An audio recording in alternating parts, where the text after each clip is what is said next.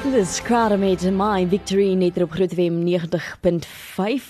Ons gaan nou weer probeer op die lyn het ek Etienne van die Mergon groep. Goeienaand Etienne. Goeienaand Jennifer. Ja, sy nou werk die tegnologie. Etienne, kom ons val sommer dadelik weg. Vertel ons vlugtig wie is Mergon?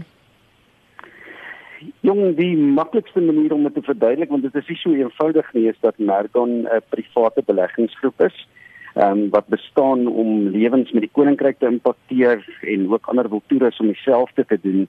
So beleggingsmaatskappy wat sy winste gebruik om die koninkryk van Jesus uit te bou. Dit is die kort weergawe daarvan.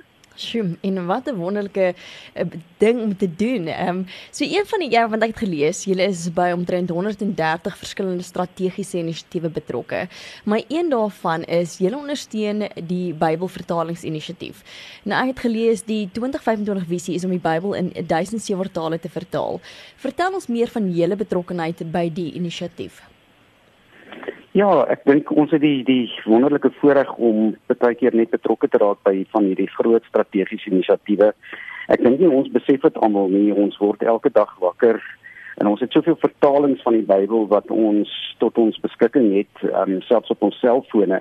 Maar daar's nog um, 'n um, biljoen mense in die wêreld wat nog nie die hele Bybel in hulle hartstaal het nie. Met ander woorde, die taal waarna hulle hulle self op die beste moontlike manier uitdruk um, ehm, 180 miljoen van daai 1 biljoen het nog nie 'n enkele vers van die skrif in hulle eie hartstaal nie. So dis 'n geweldige ehm um, uitdaging om regtig die woord by mense uit te kry wat nie die voorreg het om dit te hê nie. So daar is so in totaal so so 1700 tale in die wêreld wat nog uitstaande is wat nie 'n enkele vers het nie.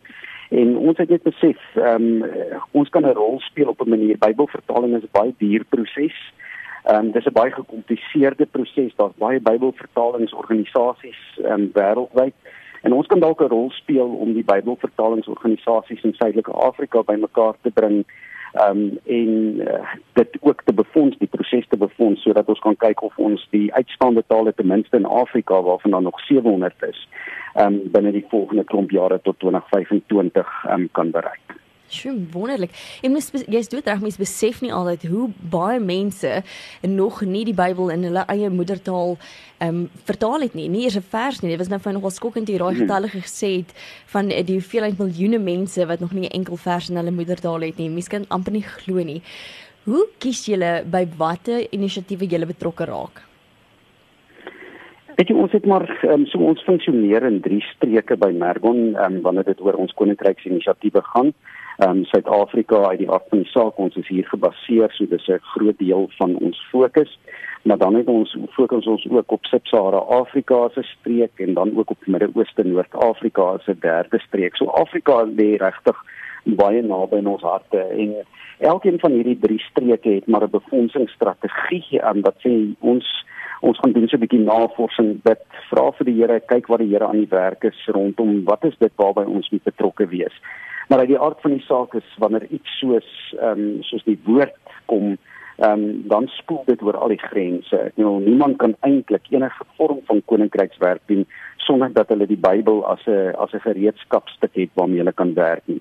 So dan dan sê ons maar hierdie lê in die hart van die evangelie en daarbey raak ons betrokke. Ander projekte waarby ons betrokke raak, is dit vir ons belangrik dat ouens uh, die woord intentioneel verkondig. Dis vir ons belangrik dat daar disipelskapsprosesse aan die gang is. Met ander woorde dat mense nie net net die woord verkondig nie, maar met mense in mentorskap pad stap. Hmm. En dan uiteindelik kyk ons ook na na organisasies wat mense lei om uiteindelik opgeneem te word in 'n geloofsgemeenskap uh, want geloof kan nie alleen uitgeleef word nie. So so dis maar so die breë raamwerk. Natuurlik is daar 'n klomp ander kriteria in terme van hoe groot die organisasies is en of dit inpas by die ehm um, strategie vir die spesifieke streek. Ehm um, maar dis maar so van die hartklop, die kern van dit waar rondom ons organisasies kies. Sjoe. En as mense nou in kontak met julle wil kom of meer wil weet van Mergon, waar kan hulle dit doen?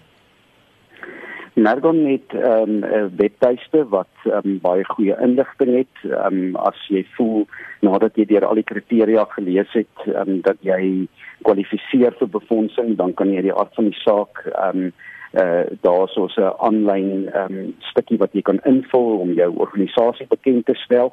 Ehm um, en dan gaan dit maar deur 'n hele filteringsproses ehm um, wat natuurlik ook afhang van ons beskikbare begroting en uh die beskikbare ruimte wat ons het binne elke portefeulje van hierdie drie streke.